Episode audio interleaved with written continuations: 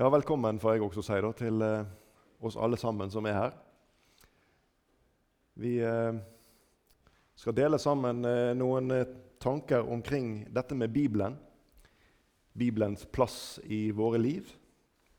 Hvordan Gudsordet får påvirke oss. Em, overskriften for i dag den er en introduksjon til eh, veien gjennom Bibelen. Og Før vi skal begynne på dette, så skal vi be sammen. Herre Jesus, vi takker deg for at vi skal få samles her i ditt hellige navn. Vi takker deg for ordene vi blir møtt med, Herre.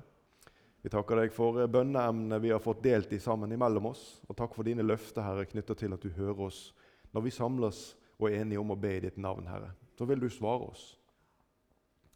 Vi takker deg for sangen vi har fått lytta til, Herre. Og nå ber vi, Herre, om at du skal velsigne denne stunden, disse minuttene vi nå har foran oss.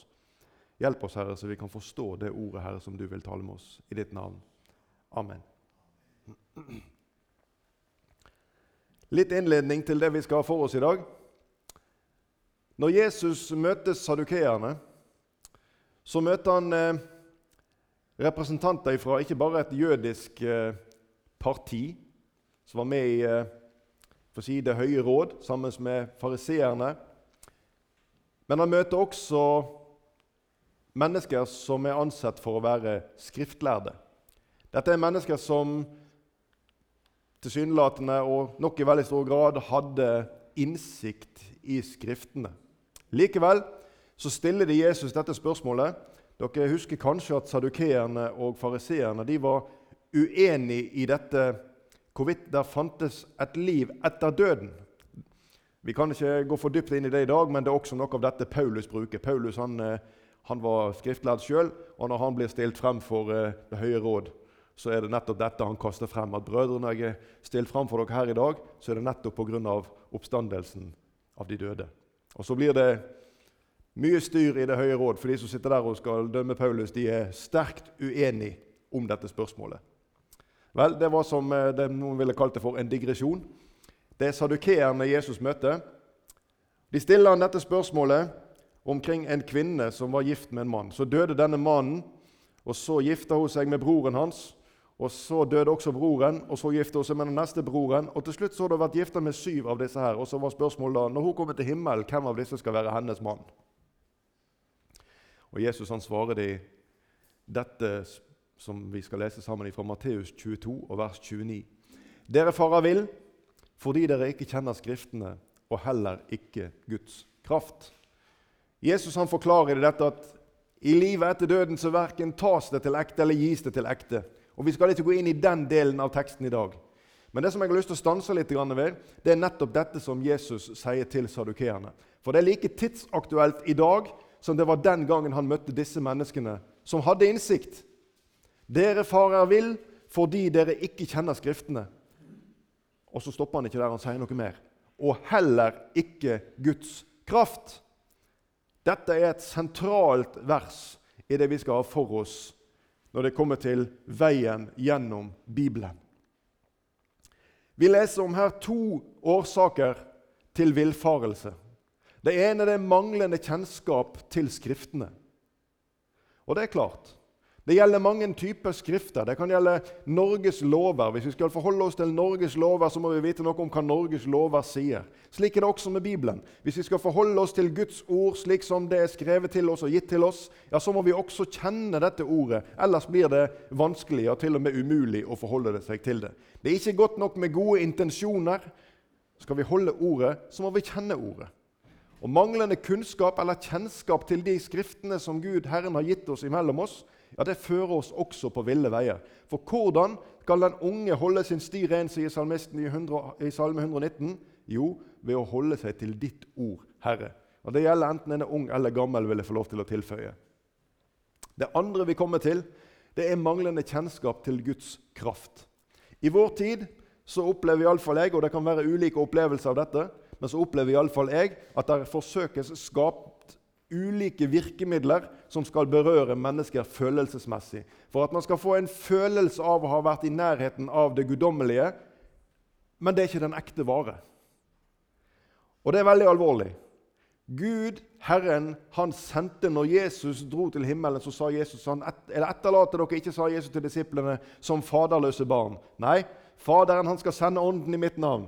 Og han skal veilede dere til hele sannheten. Og så kan vi lese om mange forskjellige gjerninger som Den hellige ånd skal ha i våre liv, vi som har tatt vår tilflukt til Jesus, vi som tror på hans navn. Og derigjennom så kommer også denne kjennskapen til Guds kraft. Det er en konsekvens av livet med Jesus. Det er en konsekvens av livet i fellesskap med Jesus når Hans ord får lov til å være med og virke på våre hjerter. Da får vi òg erfare noe av denne kraften som vi snakker om. Og Dette skal vi komme litt lenger inn i etter hvert. Men det harde ord, dette som Jesus taler til sadukeerne. Sadukeerne er altså en presteslekt. Hvis vi hadde slått tilbake og lest i eh, kongebøkene, så ville vi funnet at sadukeerne var presteslekt som kom etter en prest, ypperste prest som heter Sadok, og han var prest mens David var konge. Dette her er altså tilsynelatende skriftlærde. Det er mennesker som tilhører et høyere sosialt lag i samfunnet. De er vel ansett av samfunnet, og de er ansett for nettopp dette å kjenne Skriftene. Likevel så sier Jesus dette så beint fram til dem, at dere farer vill fordi dere ikke kjenner Skriftene, og heller ikke Guds kraft. Men la oss først se på dette med Skriftene. Går det an å si dette til mennesker som har levd og lest disse, på den tiden, disse bokrullene? Gjennom generasjoner og møte disse med dette. Dere mangler kjennskap til Skriftene. La oss anvende det samme prinsippet for mennesker i dag, som har levd med Gud i mange år, som har lest i Bibelen sin, som har gått på møter. Og Vi trenger kanskje ikke se så veldig rundt oss og lete for å finne villfarelse i åndelig forstand i vår tid. Og så kan vi stille det samme spørsmålet.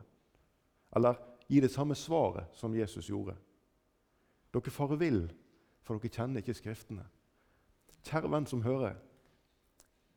Det å kjenne Skriftene det er nøkkel til et kraftfullt liv med Jesus. Du skjønner, Han har gitt deg sitt ord, og det er selve kraftens kilde. I dette ordet så vil Jesus åpenbare for deg ikke bare hvilken vei du skal gå, men også hvem han er. Jeg vil bare ta deg med inn i et glimt av det som skjedde i begynnelsen. For hør. I begynnelsen var jorden øde og tom, og mørket lå over havdypene. Da sa Gud, 'Bli lys', og det ble lys. Og Gud, Herren, har ikke forandret seg. Han er fremdeles den i dag, når vi deler bønnebegjær her i fellesskap, som vi gjorde nå i formiddag om mennesker som har kommet ut for stor skade, og som nå ligger hjelpeløse på sykehus. Han som sa 'bli lys', og det ble lys. Han sa det, og det sto der. Gud trengte ingen redskaper eller verktøyer for å gjøre sitt under. Og jeg må få si til deg som hører på dette her i dag, han er den samme i dag. Jesus er mektig til å gripe inn i ditt liv som hører disse ordene. Hva det enn måtte være du kjenner på av bekymring eller annet som du bærer i ditt hjerte. Han som sa 'bli lys', og jeg må få lov til å si 'og hvilket lys'. Hvilket lys han sendte over verden når solen kom, og hvilket lys han sendte inn i denne verden når Jesus kom, som skal være stadens lys. For det trengs ikke sol eller måne. Han skal være stadens lys. Dette finner vi det samme hvis vi hadde gått inn i det tabernaklet i Det gamle testamentet, andre Mosebok. Så ville du sett at Når du kommer inn i det aller helligste, så finnes det heller ingen lys. Der inne bak disse tjukke forhengene der skal presten gjøre det årlige offer. Men det trengs ingen lampe eller lys der inne, for Guds herlighet stråler. Der inne kan presten gjøre den tjenesten som Herren har gitt han, og han gjør det i lys av Herrens herlighet. Halleluja, sånn er Gud. Du, Skriftene som, som Jesus refererer til, til sadukeerne Han sier at dere farer vill, for dere kjenner ikke Skriftene. Og nå må vi huske på at De som levde i Det nye testamentets tid, de hadde ikke Det nye testamentet, for det var ennå ikke skrevet. Bøkene i Det nye testamentet de ble til noe seinere. Fra år 60 og utover og videre er det mange av disse, og det, og det må vi snakke om seinere. En annen gang, kanskje. Eller så blir det en lang bibeltime i dag. Men skriftene som han refererer til, og de finner du også hvis du leser f.eks. apostlenes gjerninger, romerbrevet, alle de bøkene som Paulus har en finger med i Det nye testamentet, så refererer han svært ofte til Skriftene. Og Det er altså Det gamle testamentets bøker, for å si det litt sånn forenklet. Og Det er flere seksjoner av Det gamle testamentets bøker. Toraen, altså Loven, Mosebøkene, profetene og skriftene. Disse mer sånn poetiske og historiske bøkene. Alt dette er inndelt i Det gamle testamentet. Det skal ikke vi gå så dypt inn i i dag. Men det er disse gamle skriftene, så da har altså disse gamle skriftene de har en helt sentral betydning. Du, Det nye testamentet du, du, vet det, du som hører på disse ordene her. Bibelen er delt i to. Det gamle testamentet og Det nye testamentet. Det nye testamentet det er en selvstendig bok. Historisk sett så er Det nye testamentet helt selvstendig. Men vi kan likevel ikke løsrive Det nye testamentet fra Det gamle testamentet. For disse to bøkene de henger nøye sammen. Det er ikke mange dager siden jeg snakket med et ungt menneske og måtte si at det finnes ingen bok som er skrevet av så mange mennesker over flere tusen år, som ikke det finnes en eneste motsetning i, som har så mange tråder. Denne boken den simpelthen må være sann.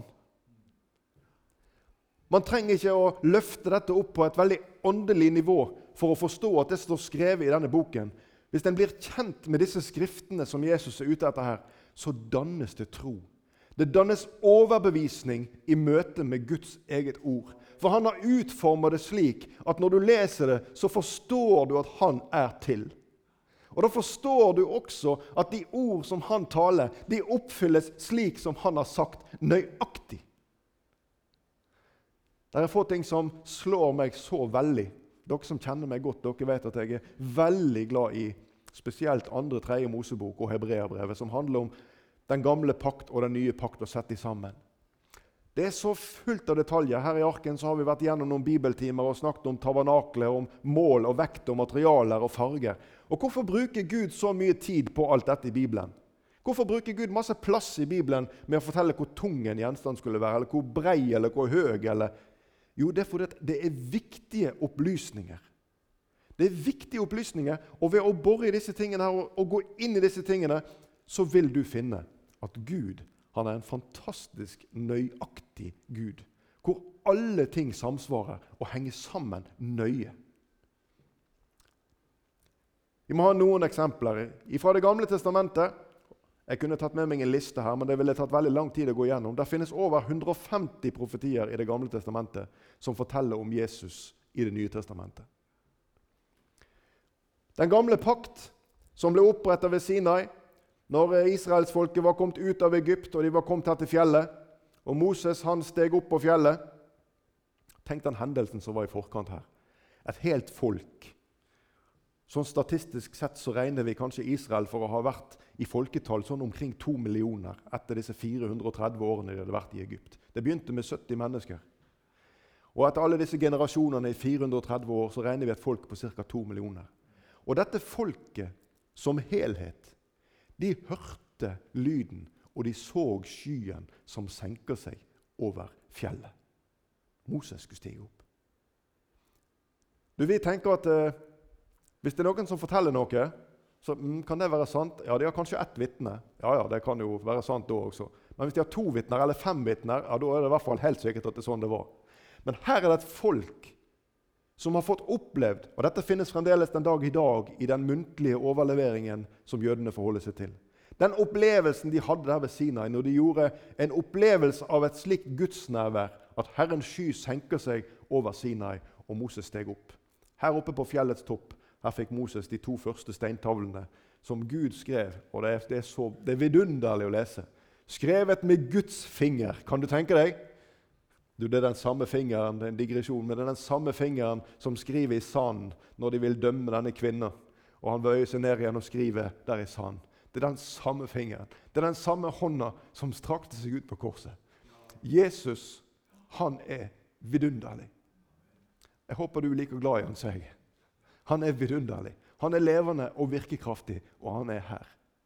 Hør, den gamle pakt som ble opprettet, den peker fram mot noen av disse tingene som jeg nevnte. Den peker fram mot at det skal skje en ny, en bedre pakt. Eller for å si det med Paulus sine ord, som er fundamentert på bedre løfter. I den gamle pakt så måtte det stadig ofres. I den nye pakt så er det ett offer som gjelder for alltid. Og Paulus han skriver det vidunderlig. Det er ikke lenger tilbake noe offer for synd. Halleluja.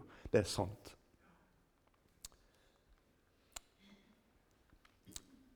Hvis vi hadde gått inn i slektsforholdene, i Fjerde Mosebok kanskje spesielt, så vil vi finne at de ti første kapitlene i Fjerde Mosebok de handler utelukkende om slektstavler. Det handler om han som var sønn til ham, som var sønn til han, som var sønn til han. Og jeg husker i fall Som liten gutt så bladde vi forbi det. Det ble for vanskelig å lese når vi skulle lese i Bibelen. Ble og Jeg var kommet ganske langt opp i ungdomsåret. Jeg bladde fremdeles forbi det. Ja, jeg var faktisk kommet langt ut i 30-årene før jeg slutta å bla forbi det. Da først begynte jeg å lure på hvorfor står alt dette her? Hva betyr dette her? Og vet du hva? Det er knapt noe sted i Bibelen der er mer konsentrert bibelhistorie enn i disse slektstavlene. Det er fantastisk gripende å lese. Bare navnets betydning, sett opp imot personene som er involvert. Ja, det er, her er materiale for bibeltimer og bibelstudier i massevis. Et enkelt eksempel Jesus' slektstavle. Den kan du lese om hos Matteus, og du, Matteus, og du kan lese om den hos Lukas. Den ene siden går på en måte ifra, ifra Marias side, og den andre fra Josefs side. Så ser du hele slektstavla. Helt ifra David gjennom Salamo og Natan, de to sønnene. Og så går det 1000 år. Du husker kanskje vi synger det i en julesang om når de 1000 år var gått. Ja, det handler om det. Etter disse 1000 årene, da blir Jesus født. Da ble disse to slektene forent igjen i Josef og Maria. Og så vet du at det var Gud som var Jesu far.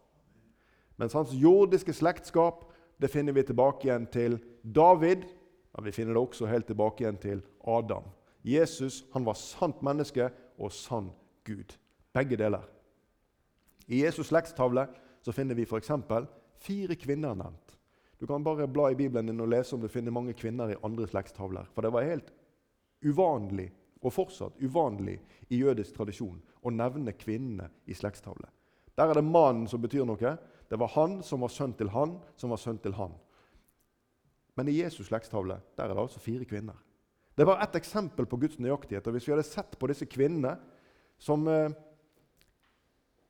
Ruth, f.eks., som er en av disse Dere kjenner Ruth, kjenner til historien om Ruth, som gifter seg med Boas. og Der har vi Jesus' slekt videre derfra. Det går igjennom Ruth. Ruth var en hedningekvinne. Det står om Elkana og hennes uh, Unnskyld. Uh, ja, la oss ikke ta navnet med. Som reiste til et annet land pga. Uh, hungersnød. Og så er det at mannen dør, og disse sønnene uh, de blir uh, gift med hver sin hedningekvinne der i det landet. og den ene, Disse to sønnene dør, og der sitter svigermor igjen sammen med sine to svigerdøtre. Den ene av dem heter Ruth. Og så er det at Ruth blir med sin svigermor tilbake til hjemlandet, og her blir hun gift med, med Boas. Og Det er en lang historie, dette her, det skal ikke vi gå inn i i dag. Men det er bare ett eksempel på at hedningefolkene de har del i Jesus. Halleluja! Han var jøde av Guds utvalgte folkeslag, men slektslinja hans går via hedningene. Og Sånn kunne vi fortsatt og tatt for oss disse fire kvinnenavnene. Så kunne vi sett hvilken betydning de har i et sånt frelsesomspennende eh, perspektiv, sånn i et verdensperspektiv. Det jeg prøver å fortelle til dere her, det er at Det gamle testamentets skrifter de inneholder veldig mye som peker fram imot Det nye testamentet, den nye pakt, og hvem Jesus er i dag. I apostelgjerningene kapittel 8 der kunne vi lest om eh, Philip og hoffmannen. Philip han står jo i et eh, flott vekkelsesarbeid. Det er stor vekkelse i byen der han er. Og Det var jo et fantastisk arbeid han sto i der. Og Så kommer Gud og sier til ham at Philip, du skal dra herfra. Du skal dra ut på en øde landevei. Der skal du, der skal du ut og gå. Og det er liksom, sett, sett, i perspektivet fra en predikant som kjenner at her, her, skjer det. Dette var herlig. Her er det flott. Mennesker blir frelst. Og, og så kommer Gud og sier at nå skal du reise herifra. Det er ikke alltid lett å forstå. Men Gud han har omsorg for den ene. Vet du hva, Det er ett bibelvers i Bibelen som virkelig jeg har, som ligger i mitt hjerte. Det står om Jesus. Det står han måtte da reise om Samaria. Det har grepet meg så mange ganger. For der i Samaria der satt det ei kvinne med en brønn. Eller det vil si, hun kom ut til en brønn for å hente vann. Og Jesus han visste om denne ene. Og sånn er Jesus. Sånn er Jesus i dag også. Vi synger en sang 'Jesus tek seg av den ene som om ingen andre var'. Han har tid for deg når hine tid og time ikke har. Sånn var det med Philip. Ut av det arbeidet som han sto i, og satt der ute på landeveien, og så kommer hoffmannen. Denne utsendingen fra dronningen i Etiopia kommer kjørende her i, i denne vogna si, og så hører Philip at han sitter der og leser fra profeten Jeremia. Og Han skjønner ingenting av det han leser. Derfor så spør Philip han dette spørsmålet som vi nå leser i Apostlene 8.30. Skjønner du det du leser? Og Dette spørsmålet det har like stor anvendelse til deg og meg som sitter og hører disse ordene i dag. Skjønner du det du leser? Jeg må først få si at Det er et veldig viktig prinsipp i Bibelen at Skrift forklarer Skrift. Gud har skrevet denne boka, eller latt denne boka skrive av mennesker som har vært drevet av Den hellige ånd. Og Det er ikke vanskelig å forstå at det var slik, for det er ingen kontradiksjoner, altså det er ingen motsetninger igjennom denne boka. Det er én rød tråd. Alt er rett, og alt stemmer, fra perm til perm. Skrift forklarer Skrift. Det betyr at når vi dukker, når vi dukker opp spørsmål gjennom det vi leser, så gjelder det å lese enda mer.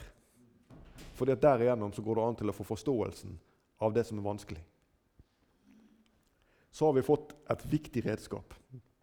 For vår egen lille forstand den strekker ikke til i møte med Guds ord. I Johannes 16, vers 13.: Men når Han kommer, sannhetens ånd, skal Han veilede dere til hele sannheten.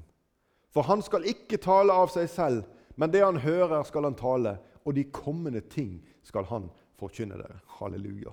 Gud sendte, og han visste det, vet du, at vi er så enkle og begrensa at vi trenger et himmelsk redskap som kan hjelpe oss til å forstå rekkevidden av de ordene som han har gitt oss. Så sendte han Den hellige ånd. Og hver den som tar imot Jesus, får Den hellige ånd i sitt hjerte. Tenk at han gjorde det sånn. Hver den som tror på ham, får også del i dette. Ikke bare i frelsen, men får Den hellige ånd til hjelp ja, Den hellige ånd har mange gjerninger. Han overbeviser om synd. Det er en av dem. Det er ikke nødvendig at vi går rundt og peker på hverandre og forteller hvor syndige vi er. For det ordner Den hellige ånd helt sjøl.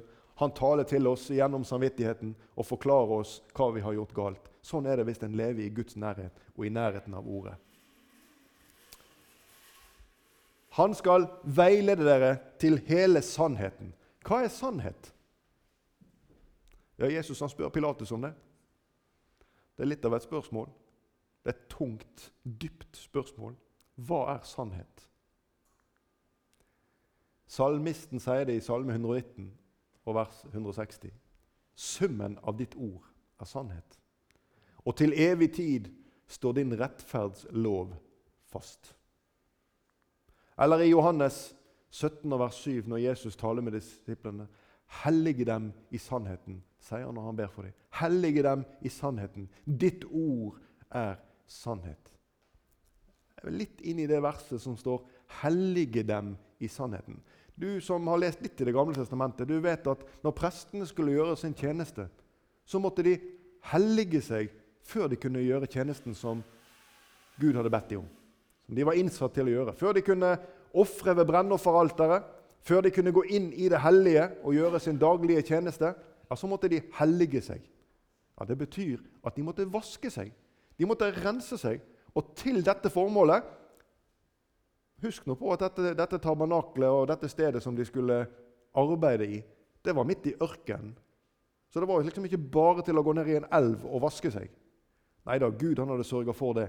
Han hadde sagt til Moses når han viste ham dette bildet på fjellet, at du skal lage et renselseskar, Moses. Og det skal stå her foran inngangen til tabernaklet. Hvis vi hadde hatt en tegning av dette nå, så hadde vi sett en forgård, en firkanta forgård. Inni der står det et telt helt i ene enden. Og Når du kommer inn i forgården fra den østre sida ja, ifra den østre sida, og en kommer inn der, der møter en brennofferalteret. Her ble det gjort offer for synd hver dag, mange ganger for dagen. Går vi litt lenger inn i forgården, så finner vi dette renselseskaret som er lagd av kobber. Så når presten skal ofre for en synder som er kommet inn, så må han først bort og vaske seg, så kan han gjøre offertjenesten. Når presten skal inn i det hellige og ordne med lampene der inne og skue brødene og brenne røkelse, ja, så må han også vaske seg før han kan få gjøre dette. Hellige dem i sannheten. Ditt ord er sannhet. Her er det noen viktige bilder som vi må få med oss. Vi skal komme litt tilbake til dette med renselseskaret. Jeg skal ta deg litt mer inn i betydningen av det i dag. Men før vi kommer så langt I Johannes 4, 10, så leser vi om denne kvinnen som jeg sa, når Jesus måtte ta veien om Samaria. Jesus svarte og sa til henne, 'Kjente du Guds gave?' 'Og visste du hvem det er som sier til deg:" 'Gi meg å drikke', så hadde du bedt ham, og han ville gi deg levende vann. Kjente du Guds gave? Hvis du visste om hvilken gave Gud vil gi, og visste du hvem det er som er her og sier til deg at denne gaven, den kan du få, ja, da hadde du bedt han, og han ville gitt deg. Du som sitter og hører på disse ordene her nå. Du har det samme forholdet foran deg her i dag, her i formiddag. For det første kjenner du Guds gave. Har du tatt inn over deg den gaven har, Gud har gitt i Jesus Kristus? At frelse fra synd, renselse fra alt, å bli himmelen verdig, det er en gave som Gud ønsker å gi. Ikke bare sånn i teorien, men på ordentlig. Det var en ungdomsleder som sa det på et ungdomsmøte. og han hadde lest teksten, og så sa han Tror dere at det er sant, dette som vi leser om her? Altså, Tenk om det er sant. og dette det kan jeg si deg, dette er sant. Gud vil gi sin frelse, plass, arverett i himmelen. Og Jesus han er her ved sin ånd i formiddag, og han forteller dette til ditt hjerte. Og så må jeg få spørre deg om ikke du allerede har bedt han. Om ikke du kan ta det inn over deg og be han om å gi deg del i denne gaven for første gang eller for n-te gang. At han kan få lov til å arbeide på ditt hjerte, så du kan få bli et nytt menneske, en ny skapning. For hans løfte som var gitt til denne kvinnen ved brønnen i ved Sykers brønn i Samaria, det var at han ville gi. Og det vil Jesus fremdeles. Han vil gi. Levende vann. Kraftfulle kristenliv vil han gi i dag. I Jeremia 15, vers 16 der sier profeten.: Jeg fant dine ord, og jeg åt dem. Og dine ord var til fryd for meg og til glede for mitt hjerte. For jeg er kalt ved ditt navn, Herre herskarenes Gud.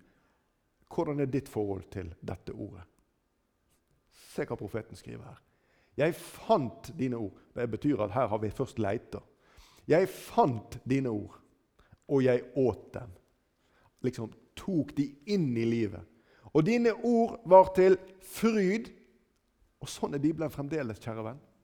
Den er til fryd og til glede for mitt hjerte, sier profeten, og til ditt hjerte som anvender dette i dag.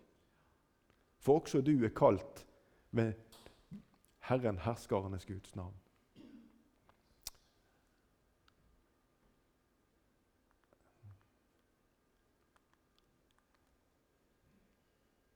Ja, Vi leste dette i Johannes 4,10, når Jesus snakket med kvinner her. Men vi leser Salme 119 og vers 130. Jeg ser jeg har kopiert inn versene flere ganger her i dag. Når dine ord åpner seg, gir de lys, de gir enfoldige forstand. Dette her, er, dette her er viktige ting som vi har for oss her i dag. Når Guds ord åpner seg for ditt hjerte, så gir de lys. Og om, du, om du kanskje blir fornærma hvis jeg hadde sagt at du var enfoldig, men nå er det ikke meg som sier det. Men i Guds perspektiv så er vi enfoldige individer. Vi har en veldig begrensa rekkevidde rent sånn forståelsesmessig. Og vi trenger hans hjelp til å forstå. Jeg trenger hans hjelp til å forstå. Jeg trenger at Den hellige ånd kommer og forklarer meg hva det betyr når jeg leser i Bibelen min. sånn at jeg bedre kan forstå den dybden som finnes. For det er så mye mer enn de ordene vi leser i disse versene. Når dine ord åpner seg, gir de lys, de gir enfoldige forstand. Salme 119 vers 11. I mitt hjerte har jeg gjemt ditt ord, for at jeg ikke skal synde mot deg. Ja, se det. Her er noen som er en salmist som har forstått et viktig prinsipp. At vi må gjemme Hans ord i vårt hjerte. Vi må vite hva dette ordet handler om, for at vi ikke skal synde mot Han. Du, det samme prinsippet gjelder i dag. Kjennskapen til Guds ord den, den danner betingelse, altså det er en betingelse for at vi skal kunne leve rett med Gud. Og Et ransakende vers fra Johannes 14, vi kan lese vers 23 og 24. Jesus svarte og sa til ham, Om noen elsker meg, da holder han fast på mitt ord. Og min far skal elske ham, og vi skal komme til ham og ta bolig hos ham. Og så det motsatte i vers 24. Den som ikke elsker meg, holder ikke fast på mitt ord. Det ordet som dere hører, er ikke mitt, men Faderens, han som har sendt meg. Og Så kan du trekke dette, disse to versene her innover ditt liv. Og I hvilken kategori passer du best? Den som om noen elsker meg, da holder han fast på mitt ord. Og den som ikke elsker meg, holder ikke fast på mine ord. Du, Bibelen, Guds levende og kraftige ord som han har gitt oss, den er sentral i ditt kristne liv for at du skal overleve den kampen som du står i her i verden. For ikke gjør den feilen å misforstå dette, men det foregår en krig herfra og frem til du går over himmelens dørstokk. Så er det krig. Det er en åndskamp. Ikke en kamp imot kjøtt og blod, men mot ondskapens ånde her i himmelrommet, leser vi i Efeserbrevet kapittel 6. Og det er dette som skjer. Desto mer viktig er det å holde fast på disse ordene. For her finnes ikke bare bud som skal gjøre det. Og Gud han skrev ikke disse budene for at det skulle være vanskelig for oss. Han skrev disse budene for at vi skulle ha det godt både vi sammen og òg i forhold til han. Men disse budene de kaster mennesker i stor grad i dag ifra seg. Vi vil ikke ha dette. Vi vil ha andre ordninger. Og da kommer vi på ville veier. For da har vi det slik som det står her i vers 24, at den som ikke elsker meg, holder ikke fast på mine ord. Så dette er et viktig prinsipp.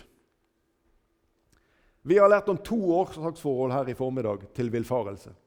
Det ene det er manglende kjennskap til Skriftene, og det andre det er manglende kjennskap til Guds kraft. Og Så vil jeg få spørre deg, basert på det vi nå har delt i sammen hittil Hvilket kristenliv ønsker du å ha? Og hvis vi hadde tatt en sånn spørreundersøkelse her nede nå, så ville alle sammen de ville hatt et sånt seirende kristenliv. De ville hatt et kristenliv som var fylt med kraft. De ville hatt et kristenliv som var sånn at eh, Bibelversene de sto nærmest i kø når det var noe vi lurte på. La meg få lov til å si deg at Jesus han ønsker at du skal kunne få det sånn. Men vi legger begrensninger for at ikke det kan bli sånn.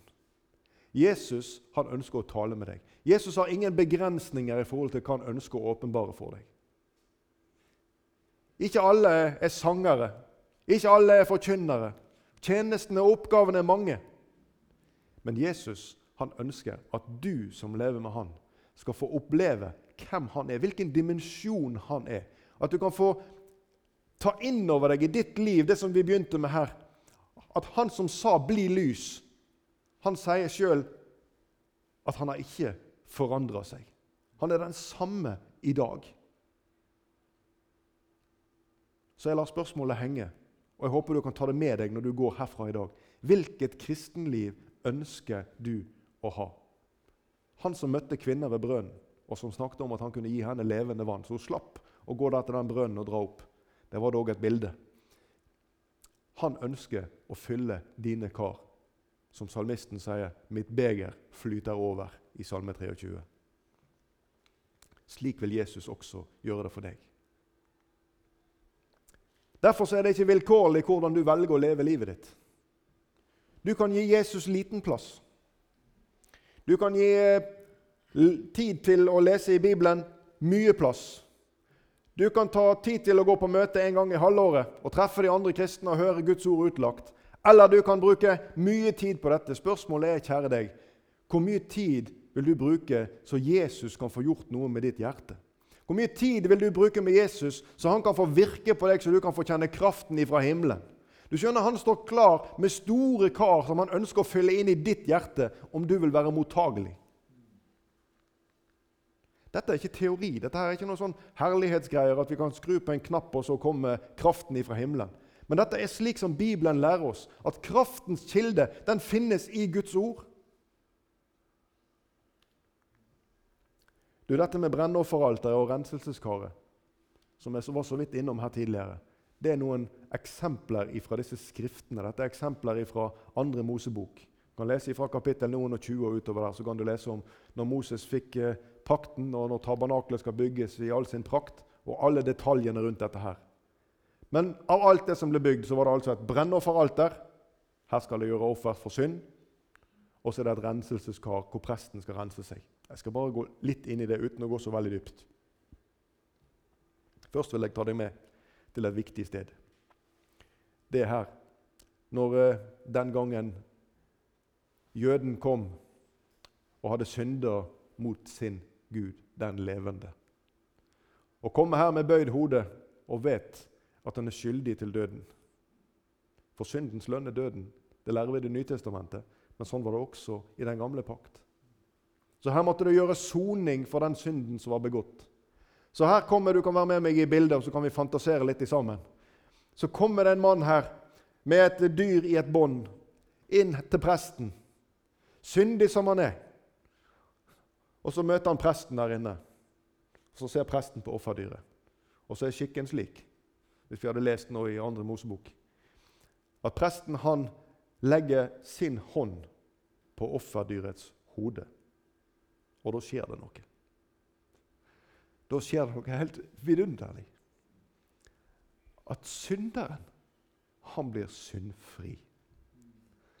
Og offeret blir skyldig. Hvis vi tar dette bildet med oss til Golgata Hvordan møter du Jesus der? For der skjer nettopp dette. Og jeg håper du kan se deg sjøl i dette lyset. At på samme måte så bytter her synderen og offeret plass. Og den som var skyldig, får gå fri. Dette er det som skjer her ved offeralteret. Dette er det som skjer ved korset. Du, I den gamle pakt så var det stadige offer. Daglig det, ble det gjort mange offer ved dette brennofferalteret. Og daglig ble det gjort brennoffer. Alt det her det ble gjort røkelsesoffer. altså De brente røkelse inne i det hellige. Det var mange skikker rundt dette her. En gang om året så måtte presten gå inn, og det står så gripende i det aller helligste for å gjøre offer for alt folkets synd. Og så står det 'og da ikke uten blod'. For blodet, det er offeret. Det er liv som må ofres for synd.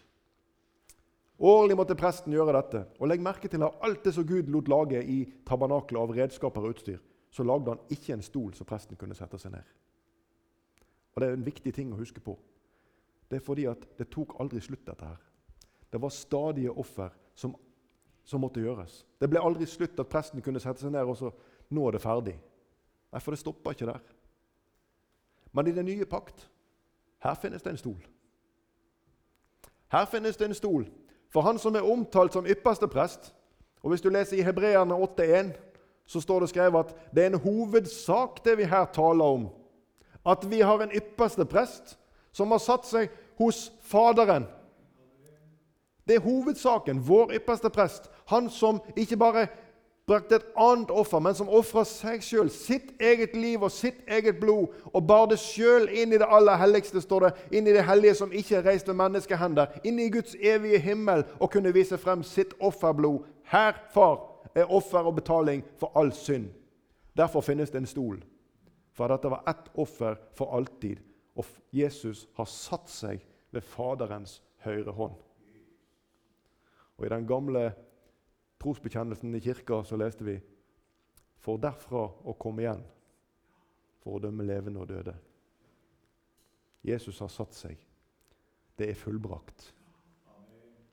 Men der det er forlatelse for syndene, trengs ikke lenger noe offer for synd. Hebreerne 10, 18. Og så står det noen vidunderlige ord i Romerne 5,9. Da vi nå er rettferdiggjort av tro, har vi fred med Gud ved vår Herre Jesus Kristus. Jeg bare må få lov til å rette oppmerksomheten på at dette her er skrevet i presens form. Dette her er ikke liksom sånn at det står i en historiebok at da skjedde sånn og sånn. Dette er et vers som du kan trykke til ditt hjerte hver dag når djevelen kommer og forteller deg at du ikke holder mål. Hver dag når du kjenner ditt hjerte at du har dårlig samvittighet for ting du har gjort og tenkt eller sagt, så kan du få lov til å komme til Jesus med dette. Det står her da vi nå er rettferdiggjort.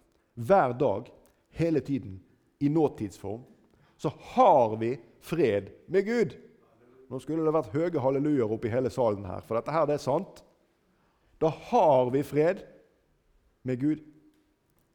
Tenk å ha fred med Gud. Tenk hva det betyr. Altså Han som skapte alle ting. Det står at han skapte alt, og alt blir opprettholdt ved han, står det faktisk. Sånn at det som gjør at ting eksisterer, det er fremdeles Guds kraft. Han har vi fred med, til tross for alt. Til tross for at det skar seg allerede i kapittel 3 i menneskehetens historie i første Mosebok. Allerede da så synder vi mot Gud, og siden det så har det bare gått utforbakke. Til tross for alt det. Men Gud viser sin kjærlighet til oss ved at Kristus døde for oss mens vi enda var syndere. Tenk det står skrevet det. Han som elsker oss og løste oss fra våre synder med sitt blod, elsker oss i nåtid sånn som du er, sånn som jeg er. Jesus elsker Morgan. Det er ikke lett å forstå, men han gjør det. Og løste i fortid. Ser du, Det er ikke noen tilfeldigheter her. Det skjedde der bak, når han ropte fullbrakt på korset. Da løste han oss. Da fjerna han skyldbrevet som står skrevet, det som var skrevet mot oss med bud. Det tok han bort da han naglet det til korset. Dette renselseskaret det er veldig viktig å forstå betydningen av. Jeg skal lese her noen vers fra 2. Mosebok 30, vers 17-20. Og Herren talte til Moses og sa, du skal lage et kar av kobber med fotstykker av kobber til å vaske seg i. Og du skal sette det mellom sammenkomstens telt og alteret og ha vann i det. Altså Dette er mellom tabernakleteltet og imellom dette brennofferalteret på denne åpne plassen. Og Aron og hans sønner, det er altså prestene her, skal vaske hendene og føttene i det når de går inn i sammenkomstens telt. Skal de vaske seg med vann for at de ikke skal dø. Ja, det er alvorlig å leve i forhold til Gud. Det er ikke slik at det er ikke så nøye, det som står skrevet i denne boka. Derfor er det også veldig viktig at vi har kjennskap til disse skriftene. ikke sant? Likeså når de trer fram til alteret for å gjøre tjeneste og brenne ildoffer for Herren. Dette var det vi snakket om litt. Men om dette her renselseskaret som står her, det er bare for prestene. Hvorfor er det viktig for oss? Hvorfor er det viktig for deg og meg? Jo, renselseskaret det er veldig viktig. For med en gang du har akseptert offeret, med en gang dette plassbyttet har skjedd Og nå er vi i den nye pakt. Med en gang du har tatt imot Jesus, så er du samtidig blitt et redskap for han. Ja, det står her å lese i Åpenbaringen, ja, kapittel 1, vers 5-6. Det er en hilsen fra Jesus Kristus. Det troverdige vitne, den førstefødte av de døde og herskeren over kongene på jorden. Han som elsker oss og løste oss fra våre synder med sitt blod. Og hør nå Og som gjorde oss til et kongerike, til prester for Gud sin far. Ham være æren og makten i all evighet. Amen. Så som redskap for Jesus, som frelst, så er du også en prest i Herrens foregård, om du forstår. Derfor så blir renselseskaret viktig å forstå for deg og meg i dag. 1. Peter 2,5.: Og blir også selv oppbygd som levende steiner til et åndelig hus. Og hør til et hellig presteskap. Til å bære fram ikke offerdyr, men åndelige offer, slike som er Gud til behag ved Jesus Kristus. Og videre, 1. Peter 2,9.: Dere er en utvalgt ett, et kongelig presteskap, et hellig folk, et folk til eiendom. Og hør For at dere skal forkynne Hans storhet, Han som kalte dere fra mørket til sitt underfulle lys. Du har ei tjeneste for Jesus. Du er prest for Gud. Eller som Paulus ville sagt, så er vi da sendebud som i Kristi sted. Og Da blir det jo viktig å forstå betydningen av dette renselseskaret. Hør. Alteret som står innenfor forhenget, eller dette, denne porten som egentlig er teppeforring inn til forgården, det sier dette til deg. Du er en synder. Men pga. Jesu lidelse og død på korset så er frelsesverket det er ferdig. Det er fullendt. Og Jesu blod det gjør det mulig å gi alle som bekjenner sine synder, og som tror på Jesus, en evig forløsning. Og verdien av Jesu verk, Jesu offer, det varer for alltid. Det er ikke lenger tilbake noe offer for synd. Det trengs aldri, aldri å gjentas. Hebreerne 9,12.: Ikke med blod av bukker og kalver, men med sitt eget blod gikk han inn i helligdommen en gang for alle og fant en evig forløsning. Halleluja. Tenk at det er sant. Mens renselseskaret det sier noe annet. Det sier at du er et Guds barn, men du kan fremdeles bli urein ved synd. Og Denne urenheten den fjernes ved at du bekjenner din synd. Og Av den grunn så er også Jesus vår talsmann hos Faderen. Og Han renser våre føtter, og så står det beskrevet et sted, med vannbadet i ordet. Og dette her, det er noe som må ofte gjentas. Du, Hvis vi går tilbake til bildet og ser på hvor, hvordan prestetjenesten var ja, Pga. alle som måtte ofre hver dag, og pga. at man skulle gjøre ren både lamper og, og lys og videre brenne røkelse inne i det hellige i tabernaklet, så ble det mange ganger for dagen at presten måtte vaske sine føtter. Han måtte hellige seg mange ganger. Og alt dette som Gud hadde bedt lage, det sto fremdeles plassert i ørkensanden. Og presten var der. Han var og gjorde tjeneste for Gud, men han var i denne verden, slik som du og jeg. Og vi pådrar oss dette smusset, og så har vi bruk for dette renselseskaret for å få vaske av oss alt som blir hengende på oss, slik at vi kan gjøre tjenesten for Herren slik som Han har bedt oss om. Like som også Kristus elsket menigheten og gav seg selv for den. Og hør For å hellige den ved å rense den ved vannbadet i Ordet. Og Nå nærmer vi oss kjernen her. Nå nærmer vi oss kjernen her når det kommer til kjennskap til Skriftene. Du, dette karet er den andre gjenstanden på vei inn til helligdommen. Og Dette er fylt med vann. Og Vannet er et bilde på Guds ord. Det er et bilde på den boka som heter Bibelen, som du har fått. Og Vi her i dette landet vi kan ha mange bibler i hvert hus. Det finnes mennesker ute i verden i dag, i Kina, i India, hvor det å eie en bibel ja, Jeg var på et stevne i sommer og hørte om en mann som fortalte om en kvinne som var oppe i 90-årene. og Hennes største ønske gjennom hele livet hadde vært å få en bibel. Og Det fikk hun overlevert av misjonæren. Og Han fortalte litt om dette møtet. Men vi har Guds ord i massevis, i utgaver, forskjellige utgaver og i bokhyllene våre hjemme. Men hør, dette ordet, det er dette vannet. Det er dette som er renselsesmiddelet. Jesus han sa dere er alt rene på grunn av det ordet jeg har talt til dere. i Johannes 15, 15,3.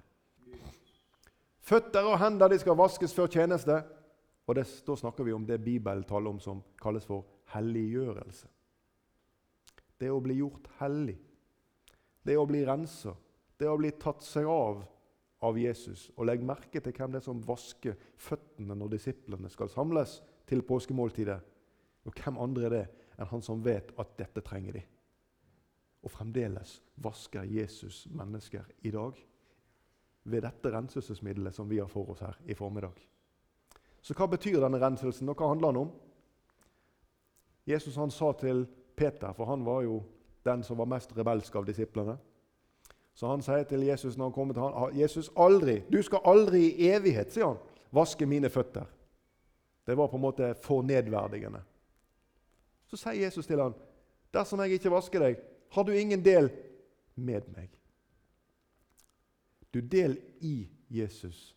Det fikk du ved alteret. Eller det vil si, det fikk du ved korset, når han ropte 'fullbrakt'. Og i troen på han så har du fått del i ham. Du er frelst ved det. Men del med ham, og det er temaet vi har for oss her i dag, det handler om samfunnet med Jesus. Jesus sa ikke til Peter dersom jeg ikke vasker deg, har du ingen del i meg. Men han sa du har ingen del med meg. Du har ingen samfunn med meg, Peter, hvis jeg ikke får gjort dette.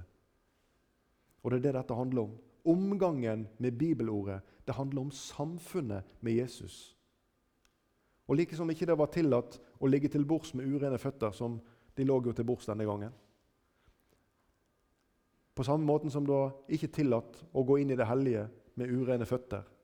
Slik er det også. Den som skal gå Herrens veier og gjøre Herrens tjenester i dag, den må også bli renset ved dette ordet.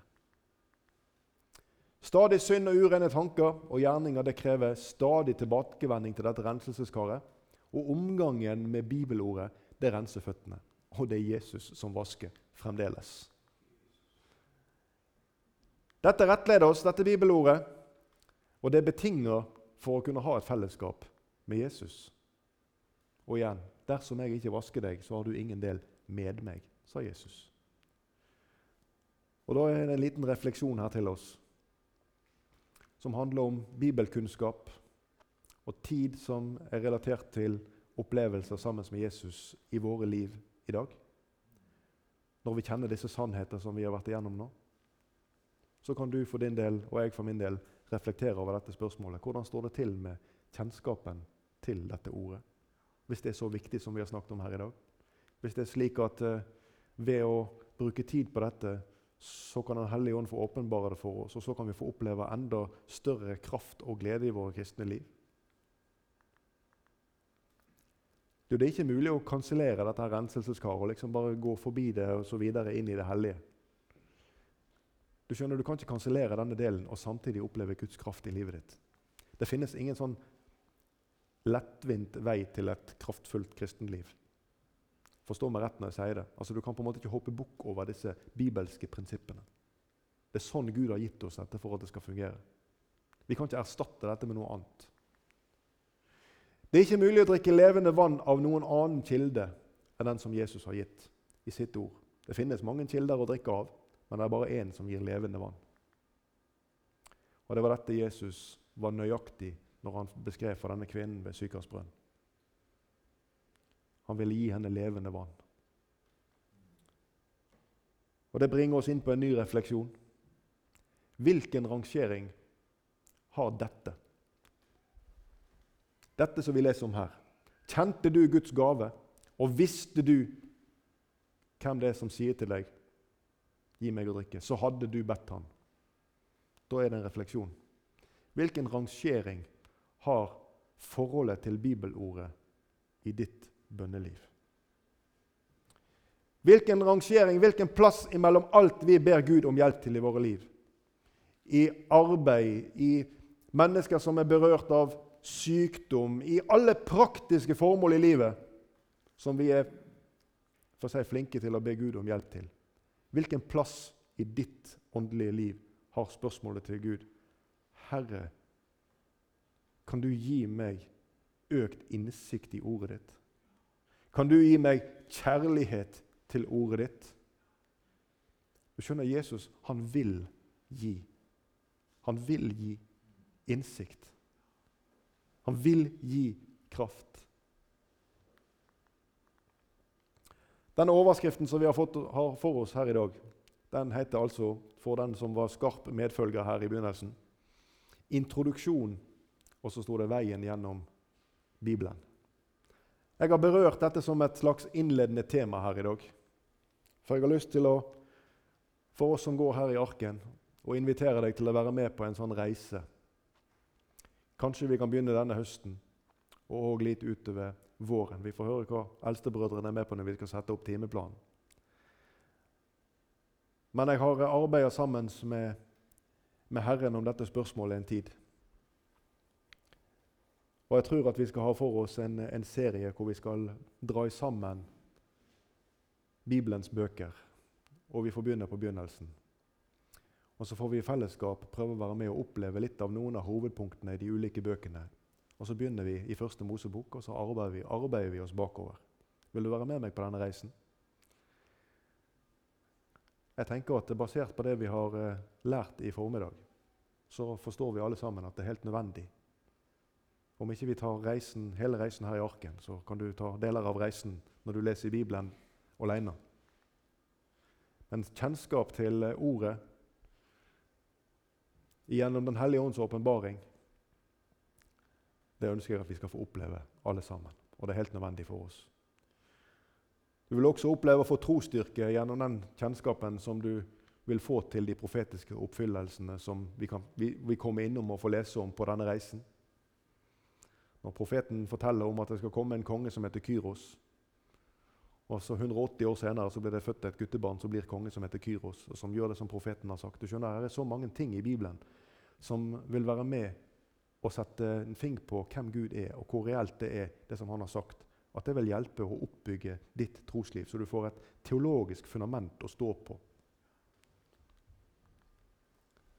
Og ikke minst møtet med bibelordet. Ja, det er en forvandlende kraft. Og den virker i dag. De to elementene som holder oss vekke fra villfarelse, det er nettopp dette kjennskap til Skriftene og, Gud, og, og, kjennskap til Guds kraft. Og Det ønsker jeg for oss alle sammen. At vi skal ha kjennskap til Skriftene, og at vi skal få gjort egne personlige erfaringer med Guds kraft. Helt til slutt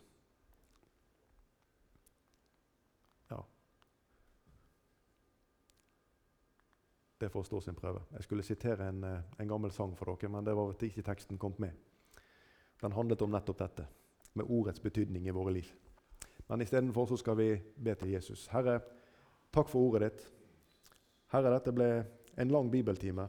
Men nå ber jeg Herre om at du skal la det som var viktig av alt det som nå er sagt, at det skal synke ned i hjertene våre. Vi tar det med oss her, Jesus. At vi reflekterer over dette, og at du hjelper oss, Herre, til å forstå betydningen av og få dykke dypt inn i ordet ditt, Herre. Hjelp oss å forstå, Herre, hva det vil gjøre med oss. Og gi oss smaken på dette, Herre Jesus. Det ber jeg om i ditt navn. Amen.